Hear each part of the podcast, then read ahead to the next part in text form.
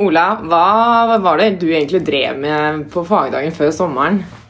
Eh, jo, fagdagen før sommeren, da hadde jeg og egentlig da faggruppen som jeg er med i, eh, hardcore hypoteseteknikk, vi hadde lite eksperiment gående.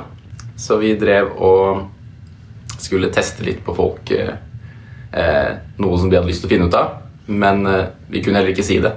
Så vi skjulte det ved å ha en AP-test. Så for alle andre så virket det som vi hadde en AB-test hvor vi testet et nytt brukerrettssnitt. Men det vi egentlig gjorde, var å teste en hypotese vi hadde laget med, uh, altså, gjennom å ha et eksperiment da, hvor vi ja, ga to forskjellige valg til folk. Eh, noen måtte velge eller velge å huske tre navn. Ja.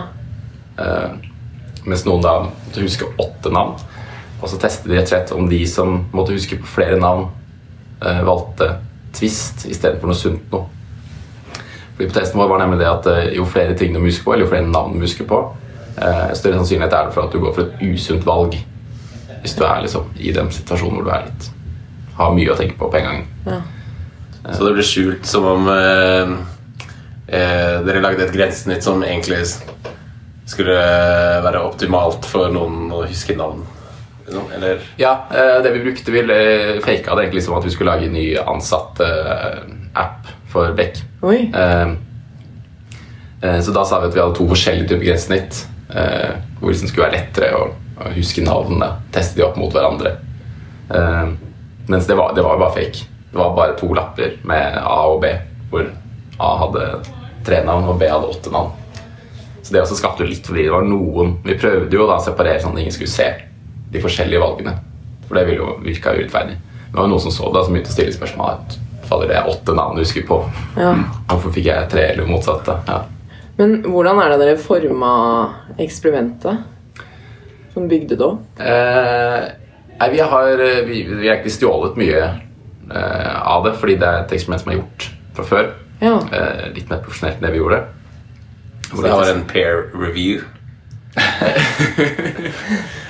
Ja, nei, kanskje Definer det begrepet litt, Stian. Nei, det var kanskje feil type begrep. òg, Men det er på at uh, man må jo uh, Flere må jo teste et eksperiment for at det skal være gyldig. Ja. Det hjelper ikke at bare noen kjører et eksperiment. Det skal jo være uh, replikerbart Mm. av noen andre.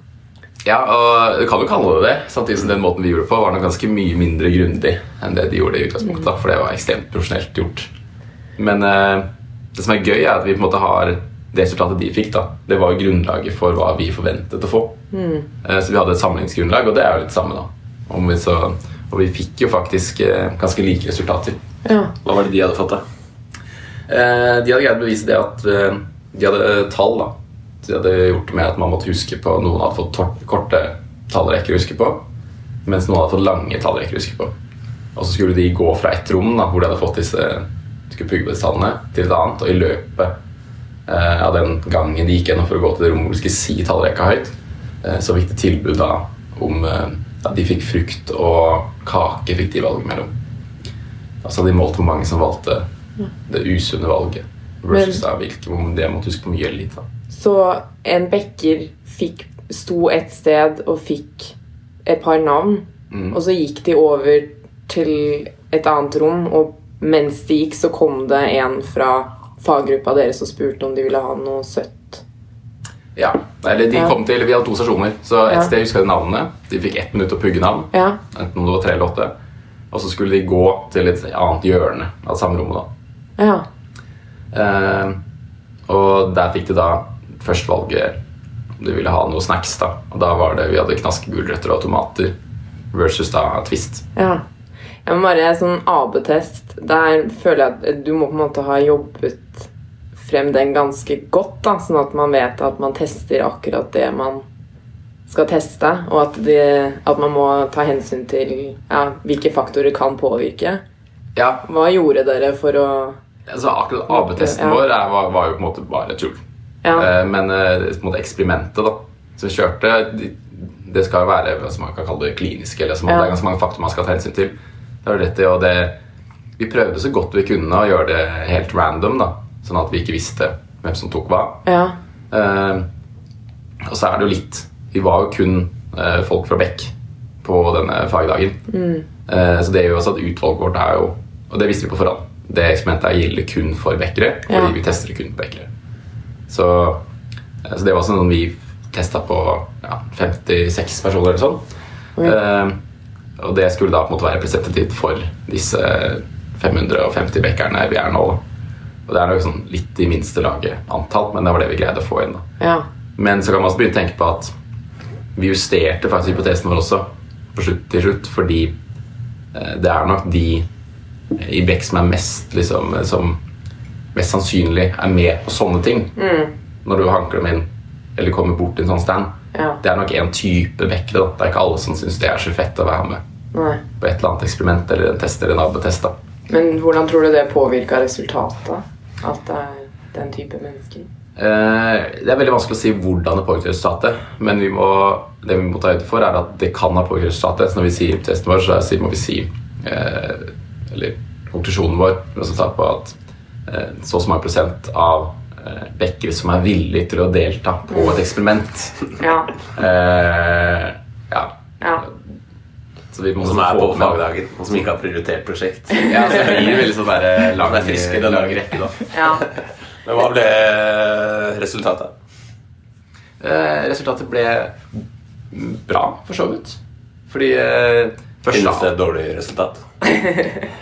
Ja, eller ja, man kan si at man kan få sånne resultater som er vanskelig å konkludere på. da. Hva vil det si? Eh, si, først av alt så fikk vi jo en Vi brukte bare Google eh, for å liksom registrere alle svarene. Og da fikk vi jo en graf, og den tilsa at ja, de som fikk åtte navn, de gikk oftere til tvisten enn Ja. de som hadde tre navn. Det er ganske sånn tydelig skille da, på de to, de to stolpene. Mm. Men, eh, men så måtte jo vi, altså, grunnen til at vi gjorde dette, var fordi vi har lest ganske mye teori om eksperimenter og hypoteser som er, blir fort litt komplekst i forhold til matte og statistisk signifikans og sånn. Ja. Så vi ville jo sånn, teste, teste resultatet litt mer, da. Eh, så vi kjørte eh, Skulle sjekke signifikansen på det. Eh, og der så fikk vi gode resultater, men det var også litt sånn akkurat at vi greide det. da. Så det, sånn- det å kunne gå fra kun se på en graf om den ene stolpen er høyere enn den andre, og si, konkludere med at ok, da traff vi bra, Ja. til å faktisk sjekke om er det signifikant eller ikke. da. Mm. Men hva vil det egentlig si om det Eller hva er formelen for at det er signifikant? Eh, så Formelen husker jeg faktisk ikke. Nei. Eh, og det er litt problemet kanskje for oss typisk interactive. da. Ja. Vi er ikke så fryktelig glad i matteformler, og det var derfor vi også ville sånn, teste dette litt. Eh, men signifikans betyr basically at eh, ok, du fikk et utslag Ja. som var positivt, men det, var det tilfeldig Ja. at du fikk det? Eller var det eh, altså, Hadde vi flaks med at Oi, akkurat de som fikk åtte navn, de elsket visst også. Mm. Uh, og det kan man sånn sjekke ved å kjøre Det vi gjorde, var at vi kjørte en simulering, faktisk. Um, så det vi basically sa, at uh, vi sjekket at hvis dette hadde vært helt tilfeldig sammensatte grupper, og vi ikke hadde utsatt dem for egentlig den påvirkningen vi gjorde, ville vi likevel fått de samme type utslagene. Mm. Hvis vi bare hadde hanket inn like mange folk til å spise Twist eller ja, godteri, ville de fortsatt vært de samme folkene som hadde gått i hver, eh, hver skål. Da. Og Der ser vi at den påvirkningen vi gjør ved å gi de tre låtnavn, den, har, den gjør at resultatet vårt blir såpass annerledes det det ville blitt hvis vi ikke hadde gjort en påvirkning. Ja. Så da kan man si at ok, den påvirkningen vi gjorde, den hadde faktisk en, eh, en verdi. da. Ja. Kan, Men det er fortsatt en viss sannsynlighet for at det er tilfeldig.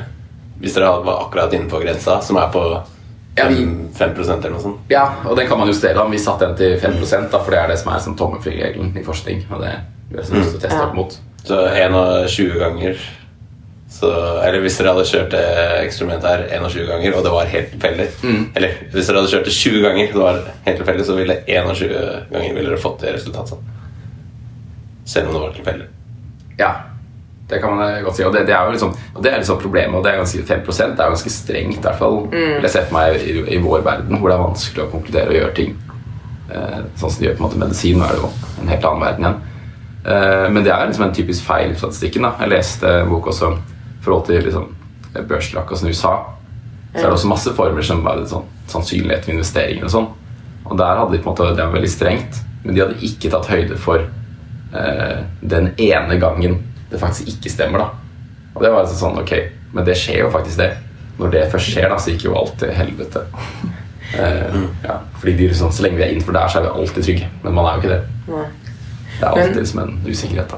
Hvordan kan man bruke Fordi i vår hva skal man si, designverden da, så kan, sier man jo Det er en sånn tommefingerregel at uh, man kan snakke med 58 personer, da, og så vil man få et ish svar på, på ting. Eller at da begynner man å få de gjentagende svarene. Men hvis det skal være at man kjører en AB-test da, eller et eller annet, at det skal være statistisk signifikant, hvordan, hva gjør man hvis det, man ikke får så stort utvalg?